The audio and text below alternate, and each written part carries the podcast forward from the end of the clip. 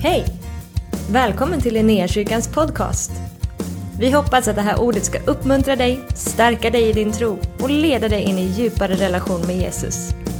Gud välsigne dig i ditt lyssnande. Alltså den här tiden som är just nu är ju en, eh, är ju en ganska omvälvande eh, tid. Från den dagen han uppstod från de döda till himmelsfärden, 40 dagar, där han vandrar omkring här på jorden och, eh, och rör sig mitt ibland dem. Eh, och, alltså, det kan inte vara lätt för dem att tro. Eh, vad ska vi tro? Eh, hur ska vi tro? På vilket sätt ska vi förhålla oss till detta eh, helt nya scenarium som har, som har varit? Ehm, och det som är ännu märkligare tycker jag, det är att när han väl är around them, när han är runt omkring dem. Till exempel i Lukas kapitel 24 så är han där och de kan ändå inte se att han är där. Det känns ju oerhört märkligt. Och så kämpar du och jag med att vi försöker se Jesus och så, liksom att visa dig Jesus. Mer av dig, kom starkare och så vidare. Och så, så står han mitt där, de kan ändå inte se honom. Och ändå kan de röra vid honom. Ibland så är det kanske bättre att få uppleva honom och bli vidrörd av honom utan att fysiskt kunna röra vid honom. För uppenbarligen så kunde han vara där och gå med dem, som det då heter i berättelsen, Emmausvandrarna. De går där och samtalar om det som har hänt. Möter honom och är du den enda som inte har hört talas om vad som Det har hänt en del saker här. Någon har uppstått ifrån de döda, det har gått ett rykte ut om ganska stora häpnadsväckande och du har inte hört någonting. Och så börjar de samtala. Men kanske är det det som är hela nyckeln till att få möta med honom och bli förvandlad av honom att du kommer in i ett samtal om honom. Det är häpnadsväckande vad som händer genom apostlagärningarna när de samtalar om honom och helt plötsligt så börjar de samtala med honom. I vissa fall så går de till och med till ställen för att samtala eller för att vara, eller be till honom. Och så går de därifrån och samtalar om honom. Men det är som om att Gud låter sig finnas när samtalet handlar om honom. Ibland så dyker han upp vid fåtal tillfällen och griper bara in. Men det är ganska sällan som det refereras till det. De flesta tillfällen är när de antingen försöker be till honom och så blir de vidrörda av honom och så börjar de samtala om honom. Eller så samtalar de om honom och så blir de vidrörda av honom och så helt plötsligt så ser de honom. I den här berättelsen där, vi ska inte läsa den berättelsen, men det får vara någon form av ingångsport i det. Påminner mig om, om, en, om en berättelse som jag hörde bara för en vecka sedan om en man som kom till vårt sammanhang här och kom ner i ett bibelsamtal. Och uttryckte sig ganska snabbt direkt att jag är agnostiker. Alltså, han, tror, han tror inte att det inte finns någonting, men han tror inte heller att det finns någonting. Så han är mitt i mellanlandet i limbo. Och det är ganska många som är på det sättet. Och skulle jag uttrycka mig på det sättet och utifrån en predikan så skulle jag väl säga så här att du kan inte bevisa för mig att Gud inte finns. Men jag kan inte heller bevisa för dig att Gud finns. Däremot så kan vi möta med honom och bli övertygade om att han finns. Så vi kan inte bevisa att han inte finns, vi kan inte bevisa att han finns. Men när du möter med honom så är det självklart för alla att han finns. Det är därför som du är här idag.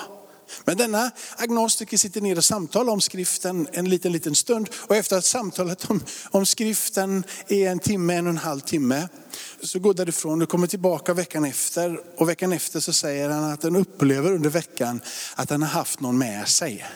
Det är svårt när du säger att jag har haft någon med mig. Vem i hela världen var det? Du tror ju inte på någonting eller så tror du mitt emellan. Men samtalet om honom gör att han bjuds in. Samtalet om honom förvandlas alltid till ett samtal med honom. För samtalet om honom gör att du sen på kvällen ligger hemma och frågar om du finns så möt mig. Det här har varit ett väldigt bra samtal om dig. Men jag inbjuder dig, kom till mig. I den här berättelsen som går vidare här så sitter Jesus ner med dem. Han äter för att visa att han är fysiskt uppstått från de döda. Det är inte en vålnad som vandrar omkring. Utan han har uppstått fysiskt. Och han sitter idag på faderns högra sida, men ännu har inte himmelsfärden ägt rum. Han sätter sig ner tillsammans med dem och han samtalar med dem.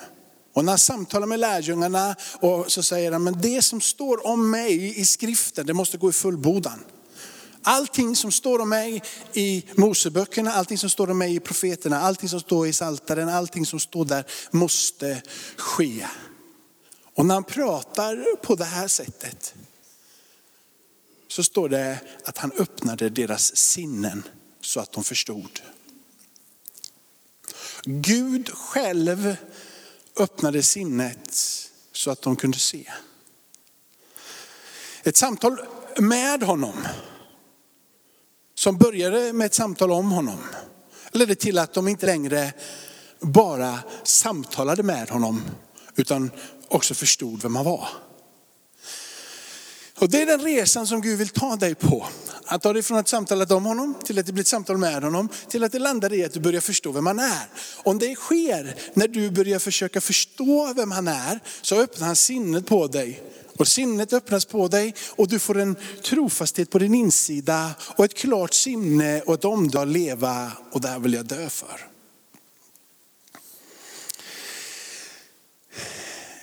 Dessa första personer som man möter, de ser inte vem man är. Och sen så eh, undervisar han från skriften. Och vad han refererar till, författaren till Lukas evangeliet, Lukas själv, är att de pratar om att det brann i deras hjärtan när han talade.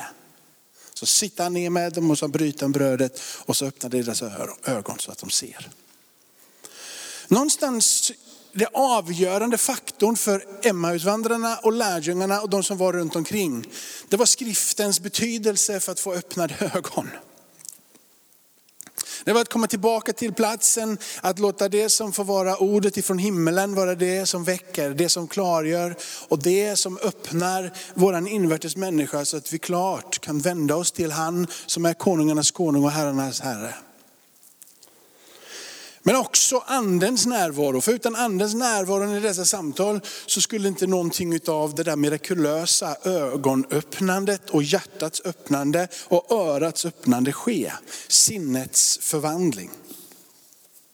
Så här står det ifrån Ordspråksboken. Och vår kära vän Sissi har redan pratat lite granna eh, om vers 23. Men min son innefattar också, jag tror till och med att det är så på hebreiska, att, att det är ett ord som sammanfattar både son och dotter. Men jag kan inte hebreiska så jag lämnar det. Så ta inte på fullaste allvar vad det jag sa. Men bara tänk att lite smart försökte han vara. Som en idiot höll jag på att säga. Men du, henne, så här nu, nu håller jag på att gå bort med här. Jag som var så koncentrerad ett tag. Alltså, eh, när jag försökte hitta på ett sätt att illustrera det här som jag ska säga nu, för jag har fyra punkter utifrån de här verserna i min predikan. Och det kan jag säga först då. Ta vara på vad jag säger, ta vara på en punkt. Vänd ditt öra till mitt ord, nummer två. Låt dig inte vika från din blick, nummer tre. Och bevara i ditt hjärtas djup, nummer fyra. Eh, men när jag, försökte, jag försökte hitta på, nu ska jag ha en punkt, eh, eller fyra punkter, så ska jag försöka komma på saker som väcker så ni kommer ihåg det här. Eh, och då, det enda jag kunde komma på, på det, här, ta tillvara på, liksom, det var intention, intention. Men jag kommer ihåg när vi läste i skolan och då så står det i någon tyska bok, Achtung, Achtung. Och jag, varenda gång som vi läste det på tyska så väckte det min uppmärksamhet. Jag trodde nästan att det betyder uppmärksamhet, men uppmärksamhet är beachtung tror jag. Det är liksom uppmärksamhet. Achtung, achtung, varning, varning. Så det funkade inte. Min liknelse, varning, varning på mitt ord. Det funkade inte så jag tar bort det. Men nu kanske ni kommer ihåg det ändå för att jag sa det. Ta vara på vad jag säger. Han kallar på uppmärksamhet. Han kallar på det, dra dig mot mig, till vad det är jag säger. Och någonstans där så läggs bollen i dina och mina händer. Äh, var med. Kom, det här är bra saker, livsförvandlande saker. Lyssna till vad jag har att säga. Möt, kom. Och det är den som sitter där som får säga, men jag är med. Jag vill verkligen ta tillvara på dina ord. Och den bollen den ligger där. Frågan är, efter det som jag sa inledningsvis här, så är verkar det som att när samtalet om honom utifrån skriften blir ett samtal med honom som förvandlar det på insidan så att du kan se honom. Och om det är på det här sättet att den resan är där, så ta vara på mina ord. Låt orden få helt enkelt livsavgörande. Sen vänd ditt, örat, eh, vänd ditt, eh, ditt öra till mina ord. Alltså, alltså man, man lyssnar på rätt mycket utan att lyssna ändå. Eh, och jag vet, alltså, det är så mycket information som strömmar idag så jag vet inte liksom, vad är det man ska lyssna på. Och när man då tror att man lyssnar för att förstå så är det någon som efteråt säger att det är fake news. Så har man ändå lyssnat på fel saker. Liksom. Så att, uh, lyssna idag och hör. Har liksom inte riktigt, det känns inte som att det liksom har Alltså, när, vi, när jag gick i skolan, det är ju inte 800 år sedan, det är hyfsat nära. Så, kun, så, kun, alltså, de här sakerna som, som, som jag då är för gammal för att ha, TikTok och allt vad det nu än heter. Liksom. Alltså det bara strömmar ju. Nu man pratade om, akta ju för för mycket reklam. Reklam påverkar dig. Det pratade man om. Så reklam var man lite rädd för. Problemet var ju den att det fanns ju liksom inga kanaler på tv med reklam. Det kom några år lite senare, liksom, med reklam på TV4 och liksom sådär. Va? Så det fanns ju väldigt lite påverkan. Det var någon liksom, tidning som du öppnade så var det lite reklam och det var ju livsfarligt. För du kunde helt enkelt börja köpa det som fanns i den här reklamen. Nu är det så mycket information så vi kan inte ens sortera den och ta den till oss. Utan det bara strömmar över oss. Och den här boken är ingen information som du ska ta del av. Utan den här boken och det här ordet talar i sig själv och om sig själv som om att det är verksamt, det är levande. Det är någonting som är livsförvandlande när det får träffa och formande när du vill höra vad det har att säga. Det ska inte, inte tas emot som någonting annat än vad det är. Och det kan inte heller tas emot av någonting annat än det är. Intellektualisera skriften eller kunskapsmässigt ta in det. För det var inte ämnat att forma ditt huvud, det var ämnat att forma ditt liv. Det är placerat i våra händer för att transformera dig inifrån och ut. Från hjärtats grund forma ditt liv in i efterföljelse till Gud själv. Det var inte menat att kunna citera en bibelvers och sen stå där och ge, liksom, I'm good. Det var menat att träffa ditt hjärta och faktiskt mana dig till att bli så som han. Och låt inte den vika ifrån din blick. Ha din blick fäst på han som är trons upphovsman och fullkomnare är en bibelvers som vi här i församlingen kommer tillbaka om och om, om igen till. För det är så lätt att sätta din blick på allting annat. Jag, jag vet inte hur du fungerar men de påstår att jag har något, liksom någon form av eh, Alltså hur man hör röster. Det finns något, man, hur det selekteras ut. Men i mitt huvud så låter allting lika högt. Eh, det är när de har pratat om liksom hur, varför man inte... Alltså jag hör, om någon viskar där eller någon, jag står och pratar med någon så är det som att jag nästan hör de som viskar tydligare än den jag står framför. Så man får liksom koncentrera sig vem det är man hör. Så, min hörsel är alltså inte mitt starkaste vapen. Liksom. Den får anstränga mig. För det är därför som jag ibland sjunger väldigt bra och ibland så sjunger jag väldigt dåligt. Tonerna hittar liksom inte rätt. Det, jag, jag bara går vilse i de där tonerna. Sådär. Och smak, jag kan, det är inte heller liksom, och, och, och lukten är ju alltid igentäppt för du sprutar ju liksom sådana där, vad är det heter, Nesonex heter det, allergi. Eh, men ögat är det som jag använder mig utav alltså. Jag observerar hela tiden känns det som. Liksom. Så jag får slappna av ibland. Bara ska inte titta över och se och förstå. Och liksom. jag har mycket lättare liksom för, för att hänga med med det sinnet än något, annat, än något annat sinne. Men det gör ju också att jag har väldigt lätt för att titta överallt och ingenstans. Och jag vet att jag inte är ensam. Det där med att vara fokuserad och titta in i ögonen på Jesus och låta kärleken från han strömma över är svårt som rackarns ibland.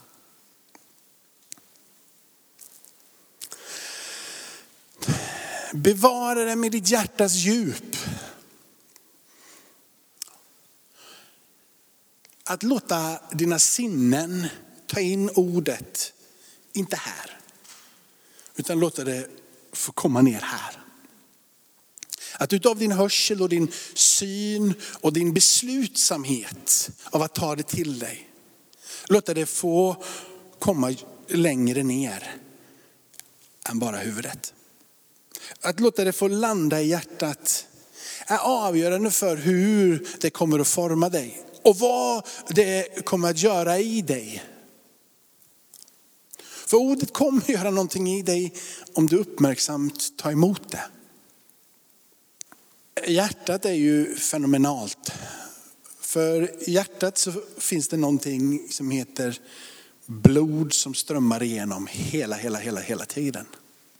Det pumpar liksom här. Man kan ju hålla på att dividera när en människas liv upphör att existera. Om det är när man är hjärndöd eller när hjärtat slutar att slå. Men en sak är säker, att om inte hjärtat slår av sig själv så pumpar i alla fall inte blodet ut i kroppen av sig själv. Och det där hjärtat på din insida här kan fyllas med ett ord ifrån Gud själv. Det levande ordet, Jesus. Och när han tar sin plats på din insida så fungerar det precis som blodet gör. Det pumpas ut i din kropp. Det berör varje cell. Det berör varje tå och det berör hela dig. Blodet pumpas ut och det cirkulerar och det rör sig. Och det som du sen lägger i det här blodet, kanske någon medicin för att du har ont i huvudet eller vad det nu än må vara för att du har hosta var som är så pumpas det rakt ut och det ska cirkulera igenom din kropp i kraft utav blod. Berör och så blir det styrka tillbaka. Livgivande så att du kan röra dig framåt i den riktning som du vill. När ordet får komma ner i ditt hjärtas djup och när ordet har blivit hörsamt iakttaget, tagit tillvara på, så pulserar det in i ditt liv. Det berör hur du möter människor. Det berör hur du förhåller dig till Gud. Det berör hur du förhåller dig i attityder, i känslor, vad det nu än må vara som kommer i din väg i livet. Det berör allt. Det håller ingenting. Och det berör allt. Och så står det så här. För det är livet den som tar tillvara på ordet, den som vänder sitt öra till ordet, den som låter sin blick vara fäst vid ordet och den som låter ordet komma djupt ner i hjärtat så säger det är liv för den som finner dem.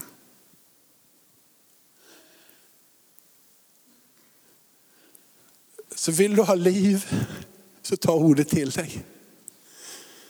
Vill du ha liv i överflöd så låt det få vara planterat där.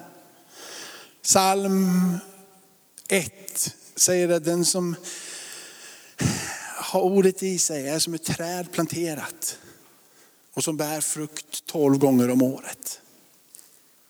Den som låter sig vara planterad i skriften säger helt enkelt skriften om sig själv att det är liv. Och när Jesus pratar om vem han är så låter han skriften vara det som förändrar, förnyar och ger hopp mitt i en värld som kan upplevas i kaos. Så här var det för mig. När jag, jag är uppvuxen i ett kristet hem och så var det lite fram och tillbaka och sen så fick jag ta emot Jesus, satt och grät och blev helt förvandlad och berörd och kände bara att det här, det här vill jag leva för. Liksom, när jag kommit upp där i några år. Eh, så, så jag döpte mig när jag var typ var 14 och sen så vimsade jag iväg mitt eget, eget huvud och egen vilja och ibland till och med kom så långt bort så att jag kunde referera och säga att det är bra för en stat att ha en, liksom en religion för det är sammanhållande och så kunde det liksom flumma iväg jättemärkliga tankar. Sen undrar man, hela världen kom de tankarna ifrån er.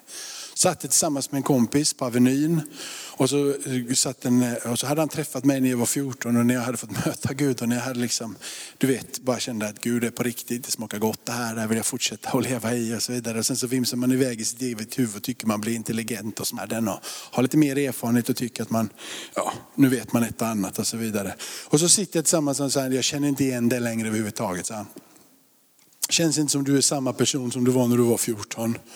Och jag gick därifrån och kände väl kanske att det, det var lite dålig evangelisation från hans sida. Att försöka, försöka få tillbaka mig.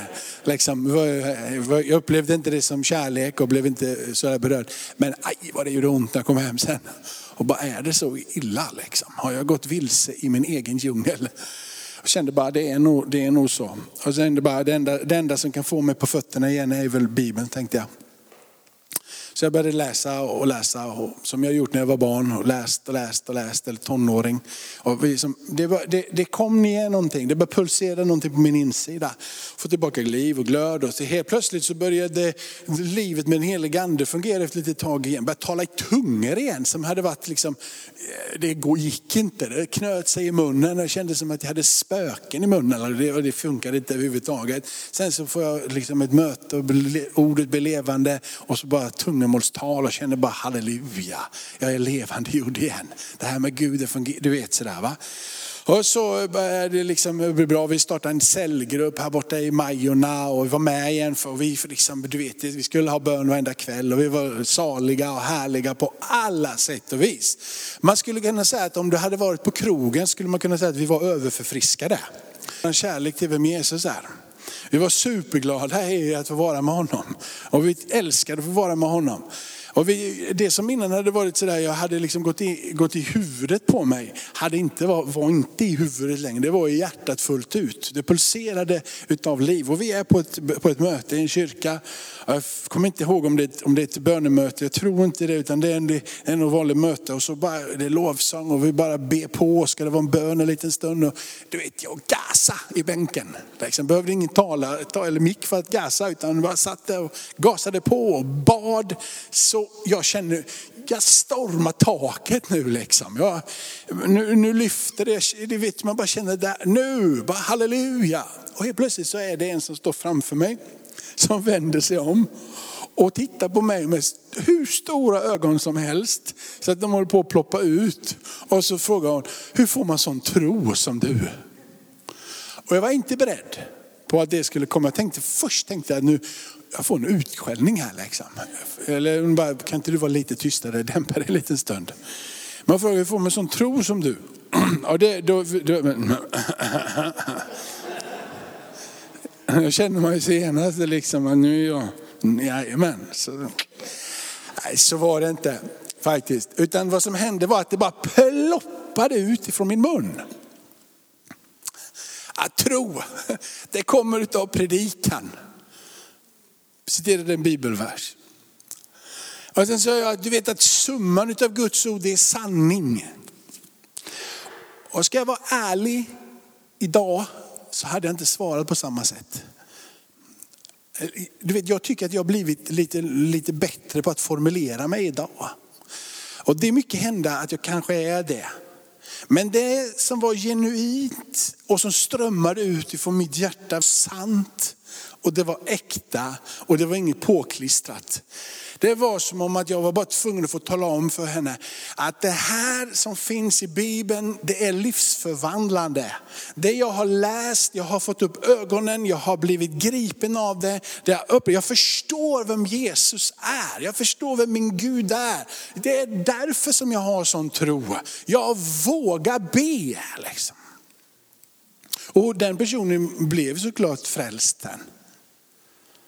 Tyvärr så har jag ingen aning om vad personen är, är idag. För det är så, detta är ju liksom oh, 25 år sedan eller vad det är. Det känns ju som hur länge sedan som helst. Eller Men jag tänker på det här ibland. Och så här, hur duktig ska jag bli på att formulera mig? Och har jag tilltro till att det kan förvandla Göteborg eller Sverige eller Linnégatan är det att jag blir bättre på att uttrycka mig? Att jag blir bättre på att kommunicera? Att jag har mer kunskap? Eller är det så att din och min uppgift är det bara att förmedla vårt hjärtats övertygelse?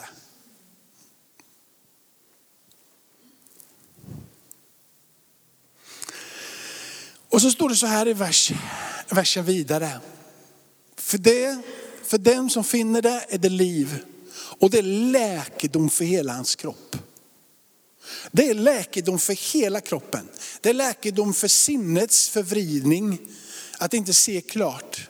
Det är läkedom fullt ut så att du inte har någon form av konflikt på din insida. Och det är också läkedom i din fysiska kropp. Det är så formande ordet så det tränger igenom hela din kropp. Det är vad han säger. Och du vet att det där, att få in det i ditt huvud är helt omöjligt. Men att ha den övertygelsen i ditt hjärta är fullt rimligt.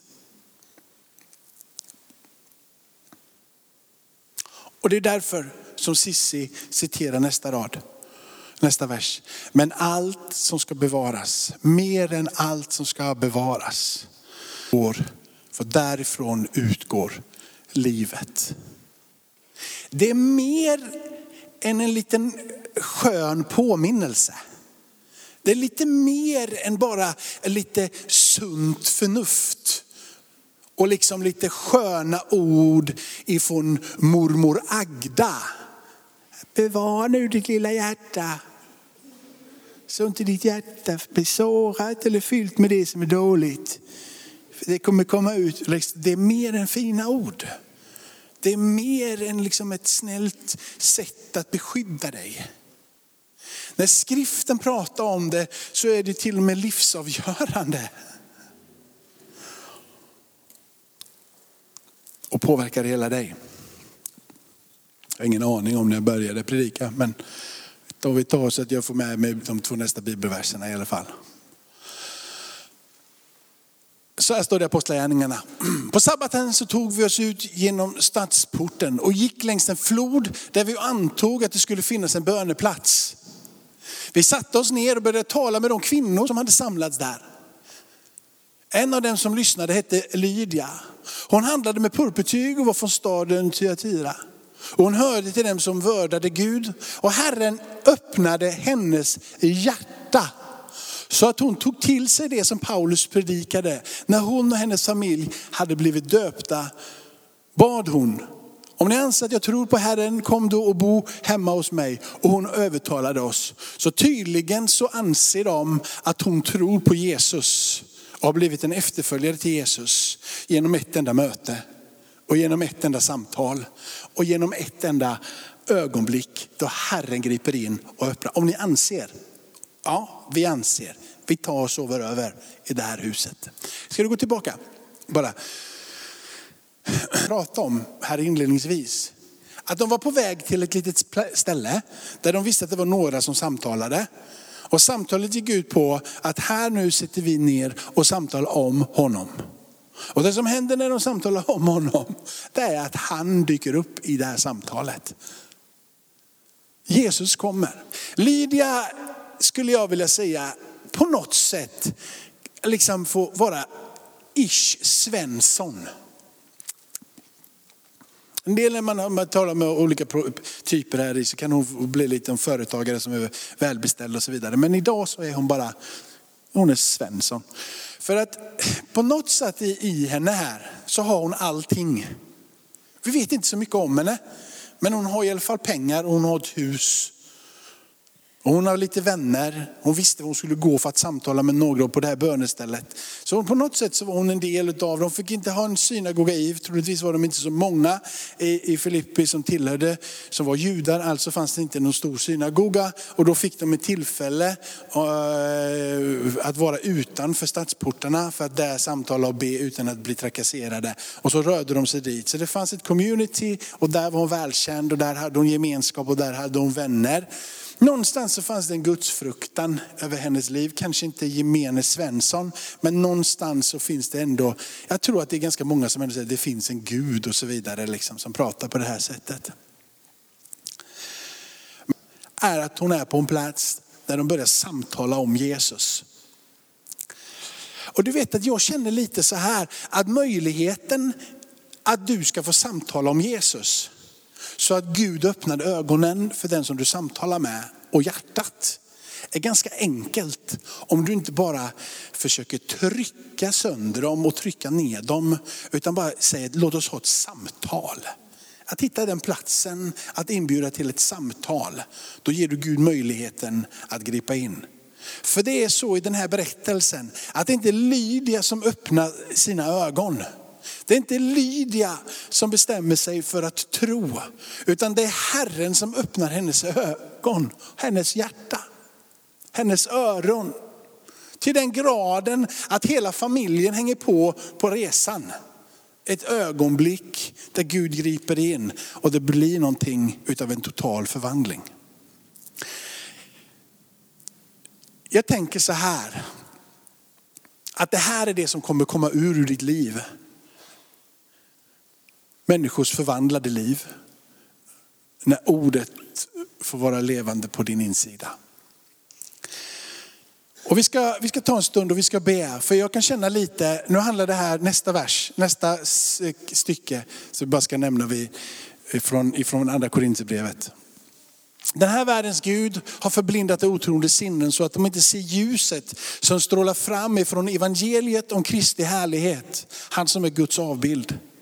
Vi predikar inte oss själva utan Jesus som Herre och oss som era tjänare för Jesus skull. Gud sa det, ljus ska lysa ur mörker. Och han har lyst upp våra hjärtan för att kunskapen om Guds härlighet ska stråla fram Kristi ansikte.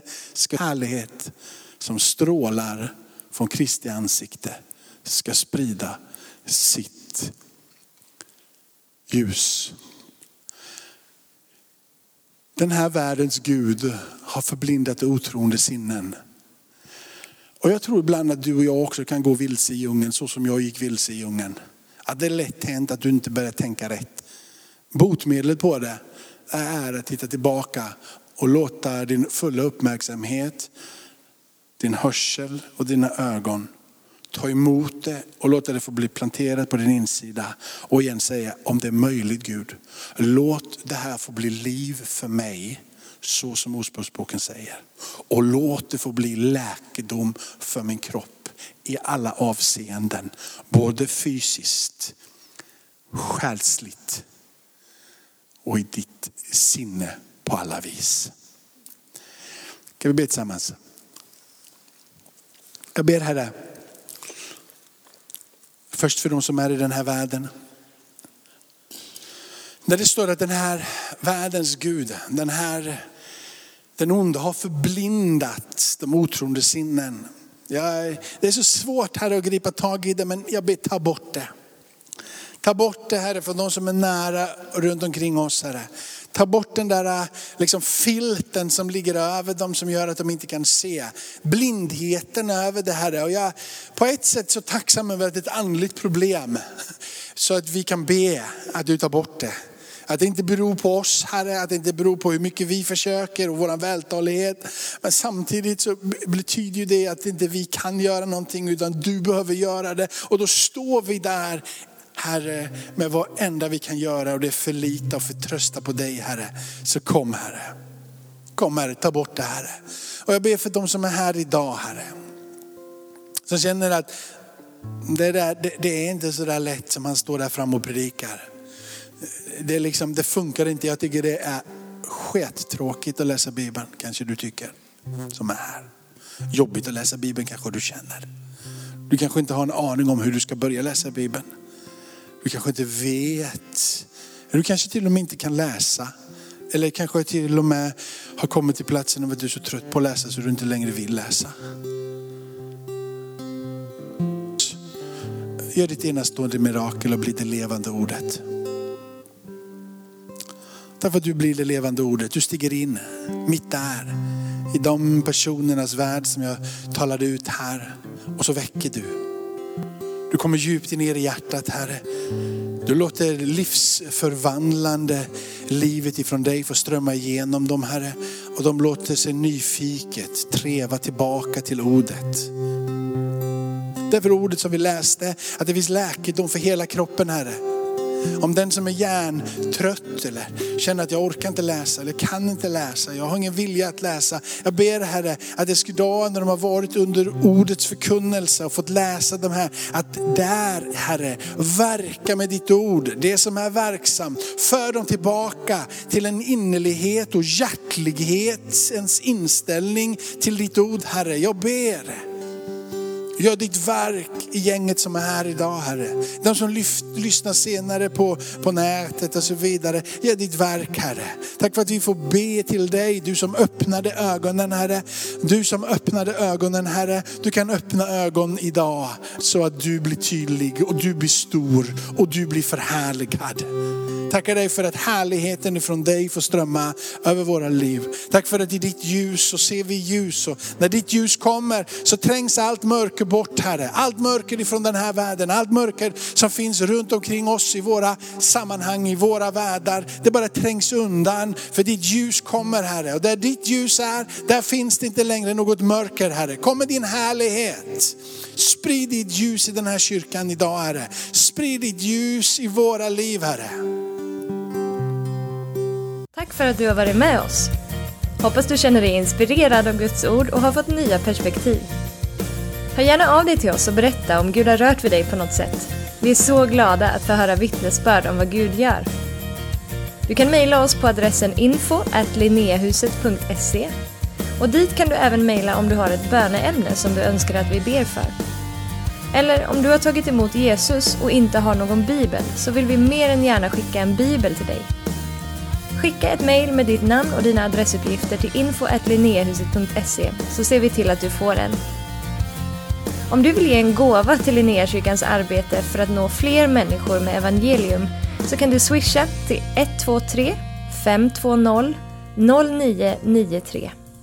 Du kan också besöka oss på linneakyrkan.se för att få mer information. Välkommen tillbaka att lyssna snart igen.